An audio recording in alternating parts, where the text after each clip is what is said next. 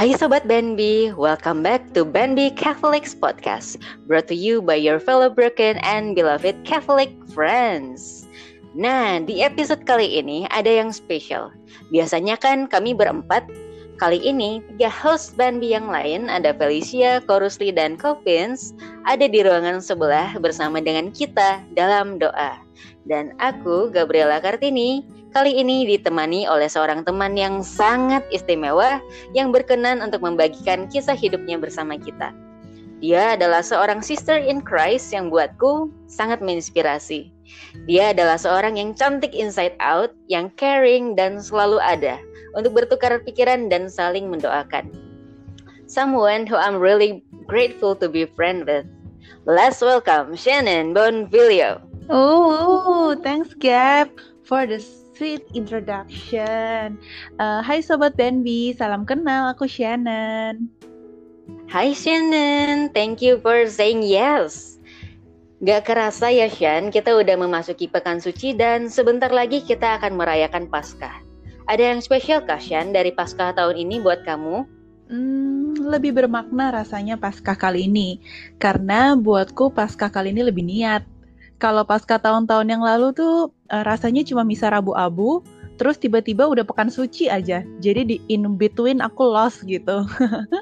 Uh, berefleksi dari yang udah-udah tahun ini harus ada kemajuan nih. Aku kan susah banget tuh ya bangun pagi gap. Biasa bangun mepet-mepet. Sebelum berangkat kerja jadi nggak ada waktu untuk hening uh, untuk berdoa pribadi dengar renungan aja sambil siap-siap. Jadi aku putusin selama masa prapaskah aku mau bangun pagi untuk misa harian dan dilanjutkan dengan doa doa novena rosario sama teman-teman.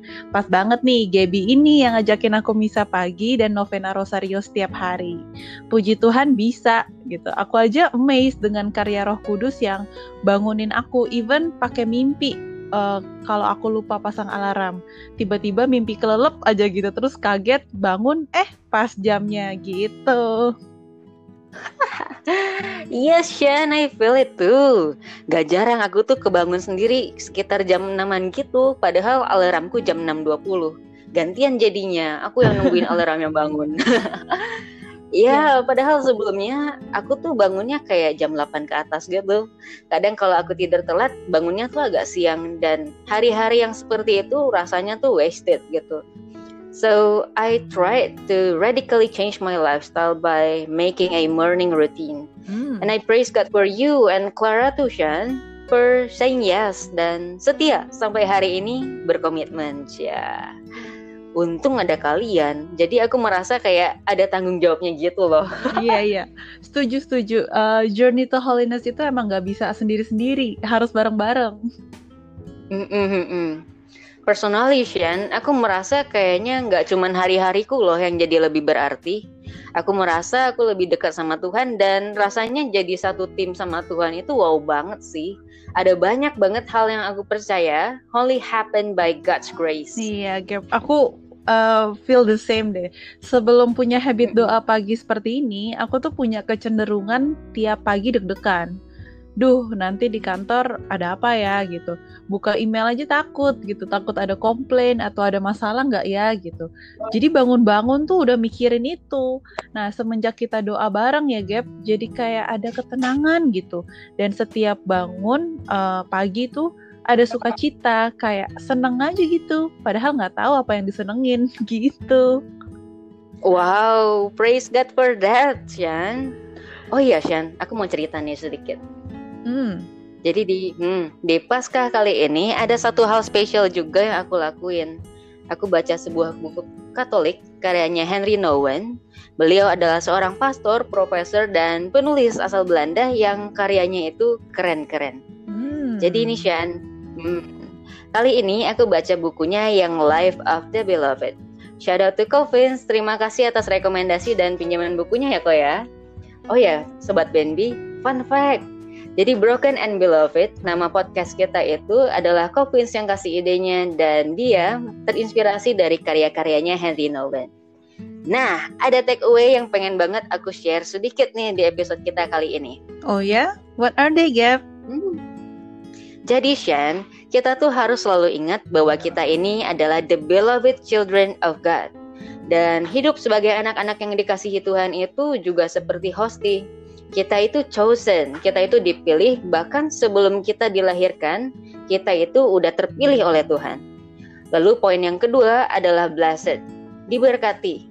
Jadi ada satu poin di buku ini yang speak to me so much, Jan. Mm-hmm. Jadi um, quote unquote ya, the blessed one always blesses. Jadi orang yang menyadari bahwa dirinya diberkati itu selalu mencoba untuk menjadi berkat bagi orang lain. Wow. Hmm. Nah, yang poin ketiga ini Shan, ada broken. Wow. Dipatahkan. broken. Nah, dalam hidup kita pasti pernah mengalami sesuatu yang membuat kita tuh susah banget, hmm. berat, atau mungkin membuat kita merasa kita tuh hancur. Hmm, hmm, hmm. Nah, ada satu quote nih yang aku suka dari buku ini. Quote unquote, Our brokenness is as unique as our chosenness and our blessedness. Jadi kayak kayaknya ya, hampir nggak ada satu orang pun yang punya dua orang lagi gitu yang punya brokenness itu yang sama persis plek gitu loh mm-hmm. dan hmm, seperti yang sudah tertulis di dalam kitab Tuhan gak akan kasih kita beban lebih dari yang kita mampu dan setiap beban atau salib yang kita pikul pun kalau kita pikul bareng sama Tuhan bisa menjadi momen atau bisa menjadi sesuatu gitu di mana kita dibentuk untuk menjadi pribadi yang lebih kuat. Do you agree with this, Yan? totally agree dari tadi aku mm, mm, mm, kayak on point banget soalnya. iya. Nah, ada satu poin terakhir nih Shan. Hmm. Adalah given, dibagikan. Jadi berkaitan dengan poin-poin yang sebelumnya, ada quote unquote ya. We are chosen, blessed, and broken to be given. And the real question is not what can we offer each other, but who can we be for each other. Jadi kita tuh dipilih, diberkati dan dipatahkan dengan tujuan untuk dibagikan. Dan pertanyaan yang sebenarnya itu bukan apa sih yang bisa kita tawarkan untuk orang lain, tetapi kita tuh bisa jadi siapa sih buat orang lain. Keren banget kan, Shan? Wow, mind blowing banget sih, Gap. Kayak diingetin -hmm. lagi gitu, kalau we are designed to be broken and given. Jadi emang harus ada pengorbanan dalam hidup supaya kita bisa jadi berkat buat orang lain. And when God breaks, it hurts because we need to experience the breaking spirit of God. So that's okay to be broken because you will be a blessing for others. Wow, bener banget. Shan, um, apa dirimu punya pengalaman pribadi yang bisa dibagikan ke sobat Bendy yang ada hubungan dengan ada hubungannya dengan takeaway tadi? Hmm, wow. Hmm. Okay. Kalau pengalaman pribadiku yang related sama uh, key takeaway yang tadi Gaby share, aku mulai dari Chosen. Boleh ya, Gab? Oke, okay, silakan Jen. Ya, silakan silakan. Oke, okay, jadi uh, aku lahir di keluarga Katolik hmm, papi, mami Katolik, uh, tapi cuman KTP. Karena semasa kecil aku nggak punya memori kita sekeluarga pergi ke gereja atau berdoa bersama. Dari TK sampai SMP sekolahku tuh Katolik uh, sobat Benbi. Jadi aku kalau berdoa ya ke Tuhan Yesus. Semasa kecil sampai SMP-an gitu aku selalu bilang sama orang tua aku kalau aku tuh suka dengar suara-suara di telinga gitu. Jadi kayak bising gitu.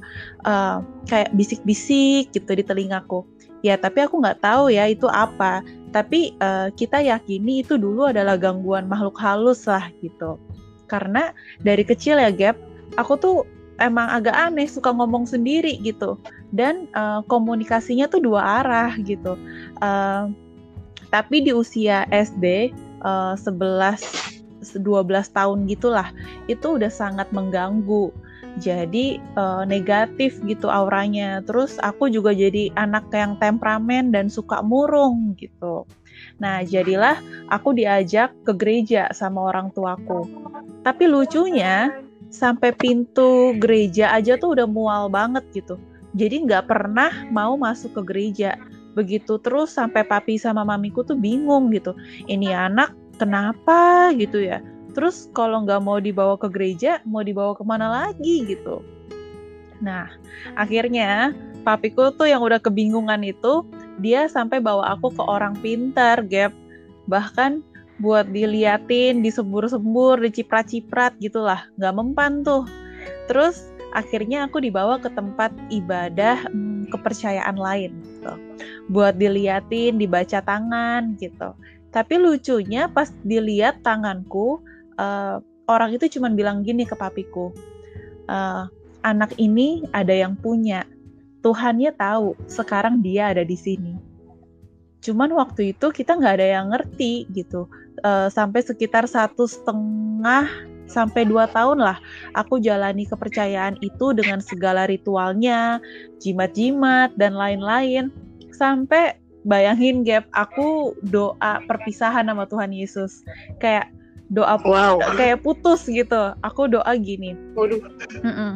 Uh, Tuhan Yesus, uh, kita udahan ya. Thank you selama ini udah jagain Shannon. Tapi sekarang Shannon udah memilih untuk ikut Tuhan yang lain. Tuhan Yesus kan baik, pasti Tuhan Yesus nggak mungkin marah gitu. Jadi ini perpisahan kita ya. Gitu bayangin aku doa kayak gitu. Itu doa anak umur 12 tahun. Aduh. Jadi Tuhan Yesus wow. banget ya.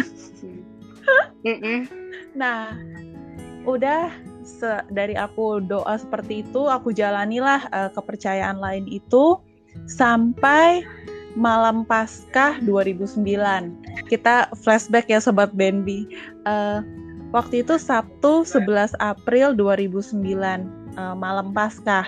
Aku mengalami pri pengalaman pribadi sama Yesus. Jadi malam itu jam 10 malam aku udah ketiduran. Terus tiba-tiba aku kebangun kaget gitu terus nangis aja sejadi-jadinya. Rasanya tuh hati pilu banget kayak sedih banget tapi nggak tahu kenapa gitu. Di bayangan aku waktu itu aku melihat di sebelah kiri itu ada patung-patung emas yang megah banget. Dan di sebelah kanan ada langit biru awan putih dan burung merpati yang terbang muter-muter. Uh, bayangan itu jelas banget uh, aku nggak bilang aku lihat pakai mata ya cuman itu seakan-akan aku lihat itu gitu. Uh, lalu ada suara dari dalam hati yang seakan-akan meminta aku untuk memilih. Jadi saat itu aku nangis sejadi-jadinya karena si mami dengar aku nangis-nangis gitu kenceng kali ya.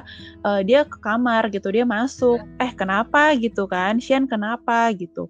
Karena dia lihat aku nangis-nangis dia panik dan auto berdoa di sebelah aku. Nah, waktu itu ada pergumulan batin. Uh, aku bertanya gitu, Tuhan yang sayang dan beneran peduli sama Shannon tuh siapa sih? Gitu. Sampai akhirnya setelah nangis-nangis gitu ya, keluar dari mulutku tuh Tuhan Yesus.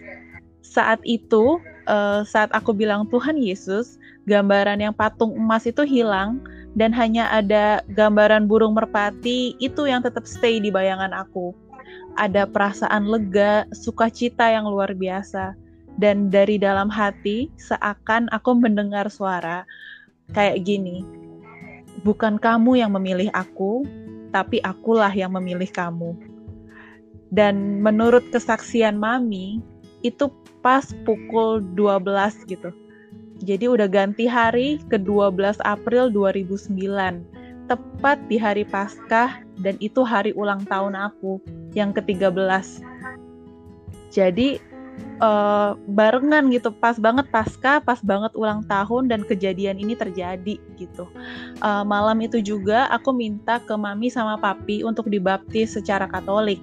Akhirnya aku sama adikku uh, Sergio daftar katekumen dan papi mami sejak saat itu jadi aktif ke gereja lagi karena mau nggak mau nemenin kita katekumen jadi itu gap pengalaman aku uh, tentang chosen yang benar-benar berarti buat aku gitu Wow, gila banget sih Shan. Aku dengar itu tuh udah kayak tiga kali ada.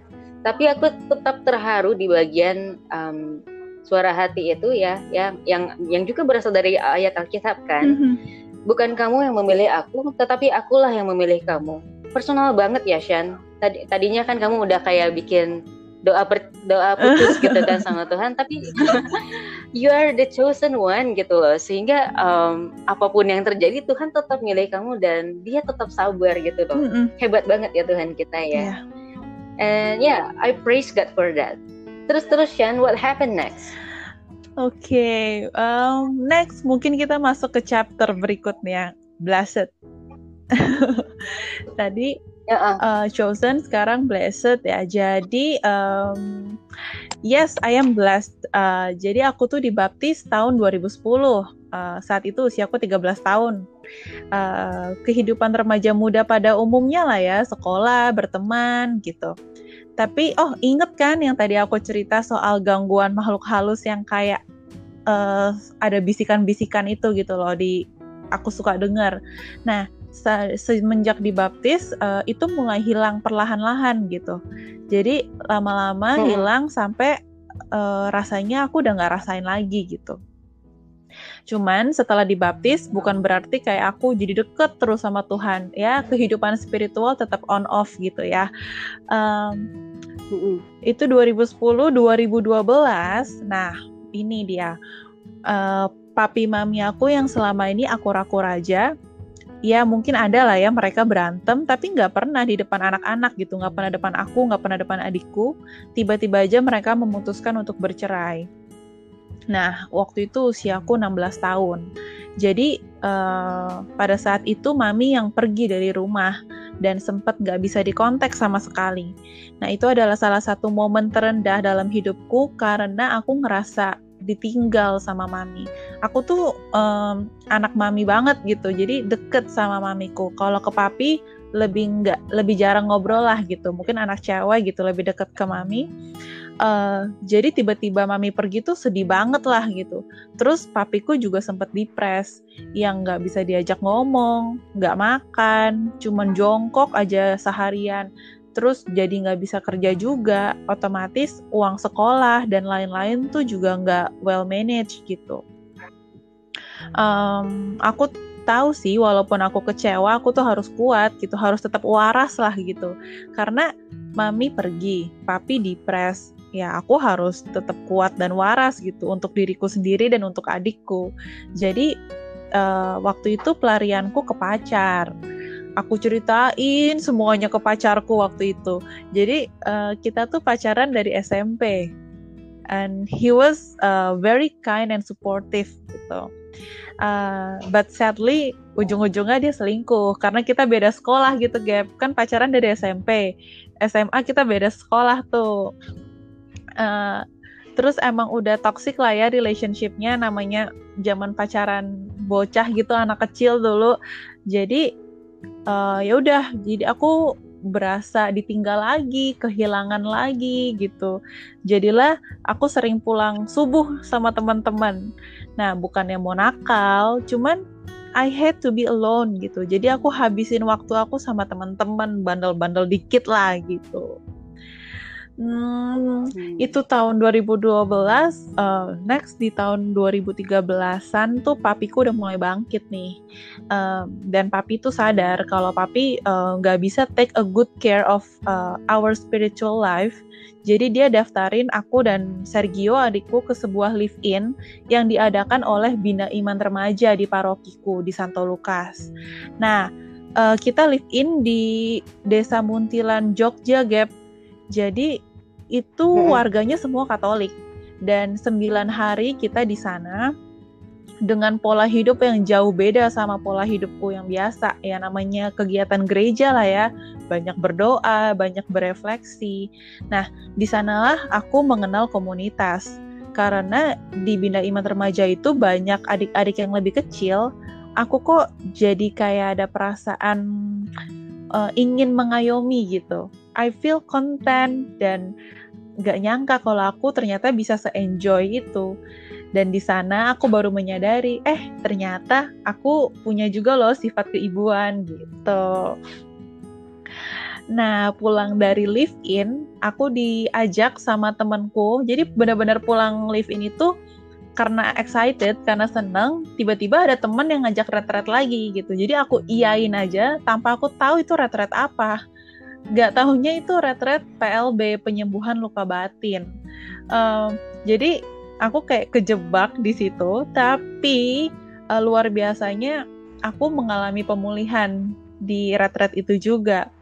Uh, karena terutama setelah apa yang aku alami ya kekecewaan terhadap perceraian orang tua terus dan lain-lain gitu ada pemulihan yang terjadi nah pulang dari retret uh, PLB itu penyembuhan luka batin itu aku ikut kegiatan rutin di Bina Iman Remaja di paroki jadi kakak pendamping dan mulai hidup berkomunitas jadi tuh plotnya kayak udah diatur gitu sama Tuhan aku aja kalau inget-inget lagi masih amazed gitu poin blessednya mm-hmm. adalah uh, I was so broken tapi Tuhan reach out ke aku lewat orang-orang yang ia tempatkan di hidupku dan lewat komunitas. So I am blessed gitu. Wow, Shen, that's beautiful.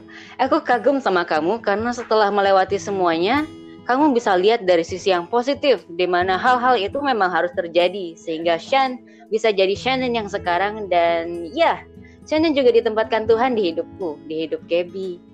Dan I'm so grateful for that. You are such a blessing for me. Iya, yeah, Gab, me too. Oke, okay, Shan, lanjutin dong. Oke, okay, lanjut. Um, lanjut. Kita sekarang sampai ke broken broken ya. Um, jadi semenjak tadi kan aku cerita sampai aku itu mulai uh, aktif di Bina Iman Remaja ya, aktif melayani, aktif berkomunitas, itu lanjut terus tuh sampai di tahun 2016. Nah, aku tuh lagi pelayanan di retret anak-anak, jadi fasilitator gitu ya. Nah, di retret itu tiba-tiba kaki aku bengkak, sakit, uh, sampai kesulitan jalan. Sampai akhirnya pulang retret, aku langsung dilariin ke rumah sakit, jalanin pemeriksaan ini itu ini itu, kesimpulannya kena autoimun. Dan tahun 2016 wow. itu, Gap, uh, autoimun kan belum terkenal sekarang gitu. Uh, sampai hari ini juga pun sebenarnya belum ada obatnya, hanya bisa dirawat sampai uh, stabil kondisinya, tapi tidak bisa disembuhkan atau hilang total wah heboh lagi deh tuh. Jadi banyak teman-teman yang jenguk dan doain gitu. Nah, otomatis tahun 2016 itu fisikku sangat terbatas. Hmm, nggak kuat gitu ya, karena kan aku sampai kesulitan untuk jalan. Ada waktu aku uh, kesulitan untuk bergerak, untuk jalan gitu. Jadi banyak kegiatan yang harus aku let go. Contohnya uh, nongkrong, terus pelayanan yang kayak ngemsi dan lain-lain gitu. Bahkan uh, sedihnya tuh teman-teman juga jadi berkurang. Karena aku nggak bisa ikut ini nggak bisa ikut itu gitu kan. Di, diajakin Shen ini yuk nggak bisa. Diajakin itu nggak bisa gitu. Terus eh, nggak uh, boleh stres. Jadi kalau stres itu kaki aku langsung bengkak gitu otomatis saja tapi uh, di saat inilah aku ngerasa Tuhan lagi memurnikan aku. Dia mengizinkan ini terjadi untuk mendewasakan aku. Karena nggak boleh stres, aku harus melepaskan kekecewaanku uh, karena perceraian orang tua, kehilangan, kehilangan teman, mungkin kehilangan pacar gitu ya. Terus hmm, aku harus melepaskan dendam, amarah aku. Sifat aku juga jadi lebih sabar, lebih pemaaf, lebih lembut gitu. Mungkin ada yang hilang dari aku, tapi Tuhan gantikan dengan so much more. Dan justru karena sakit ini, aku belajar menerima dan mencintai diriku secara utuh, sehingga aku bisa dibagikan atau given. Salah satunya aku mengiyakan untuk sharing di band B, mungkin ini waktunya aku untuk bagikan kebaikan Tuhan dan karya Tuhan selama ini dalam hidupku. Oh, again, that's so beautiful. Aku juga pernah Shan mengalami sebuah momen di mana aku merasa kayak aku tuh ada di gua yang dalam hmm. banget dan rasanya aku sendirian. Beruntung aku udah gabung di komunitas yang Shannon yeah, juga yeah. ikuti sehingga somehow aku bisa tidak membiarkan diriku larut terlalu lama di dalam perasaan-perasaan negatif yang kurasain saat itu. Dan momen itu juga menjadi salah satu momen di mana aku bisa one on one sama Tuhan yang akhirnya membuat aku yakin bahwa semua itu harus terjadi supaya aku tuh bisa kayak bola gitu Shan udah dilempar jatuh mm -hmm. gitu kan aku bisa bounce back tapi stronger karena kali ini aku comeback bareng someone yang jauh lebih besar wow, dari aku. Iya juga ya bounce back. Good analogy, Gap. iya. iya, Shan. Ah ya, cerita Shan masih ada kelanjutannya iya, kan? Masih ada dong, karena ini kita masuk ke takeaway yang terakhir ya, given. Hmm, aku tuh masuk ke penyadaran bahwa kita itu hidup nggak untuk diri sendiri aja. Setuju ya, Gap? Mm-hmm. Jadi, setuju banget. Jadi uh, dengan segala kelebihan dan keterbatasan yang aku miliki saat ini, aku coba untuk tetap melayani. Pastinya dimulai dari yang kecil dulu, dari keluarga, dan lalu sekarang aku melayani di komunitas Singles for Christ jadi fasilitator untuk mendampingi saudari-saudari uh, yang sama-sama mau bertumbuh dalam iman gitu. Uh, aku juga suka banget sharing my reflection di sosial media, di Instagram aku. Uh, lewat caption gitu ya. Kalau teman-teman bisa lihat itu Instagram aku di @shannonbonfilio atau enggak aku suka uh, tambahin hashtag gitu ya, hashtag semua punya kisah. Nah, aku juga jadi belajar hal baru kayak bikin YouTube channel. Ya, gitulah. Pokoknya uh, punya kerinduan berusaha jadi berkat uh, sebisa mungkin walaupun kecil sekecil apa pun itu dampaknya gitu. Wow, yes, yes, yes. Thank you so much, Shannon, for sharing us your story. Hmm, It's truly a Thanks for having me. Dan teman, of course, teman-teman nih yang mau lebih kenal lagi dengan Shannon yang mau ikutan perjalanan hidupnya Shannon, bisa langsung follow Instagramnya Shannon ya di @shannonbonfilio atau lihat aja hashtagnya hashtag semua punya kisah. YouTube channel kamu ah, apa? Ya, semua punya kisah. Semua punya kisah juga hmm. ya namanya. Nanti kita tulis deh oh, di deskripsi di bawah kalian bisa langsung klik. yes. Once again, I'm so grateful to have you in my life, Shan. Especially in this stage of our lives. Mm-hmm. I pray that our sisterhood will continue and together, hand in hand, we Amen. run to Christ. Ooh, overwhelmed. Ow. Aku percaya episode kali ini juga memberkati Sobat Benbi semua. Melalui episode kali ini, kita diingatkan kembali bahwa kita semua itu chosen, blessed, broken, to be given. Hal-hal yang diizinkan Tuhan terjadi dalam hidup kita itu memang harus ada untuk membentuk dan mendewasakan kita. Jadi jangan lupa untuk selalu bersandar dan percaya kepada Tuhan dan biarlah Tuhan yang menggandeng kita sehingga pada saatnya nanti kita bisa given as his instrument of love. Amen. Nah, buat sobat Benbi, amen. Buat sobat Benbi yang mau sharing, bertanya atau berkomentar, silahkan reach us out melalui Instagram at Benbi Catholics. Username-nya akan kami tulis di kolom deskripsi di bawah. Looking forward to journey through life with you guys. Oke, okay, kita akan mengakhiri episode kita kali ini. Jangan lupa bahwa kita semua adalah anak-anak yang dikasihi Tuhan. God bless you and see you next week. With all of this, may God be praised. Bye-bye. bye bye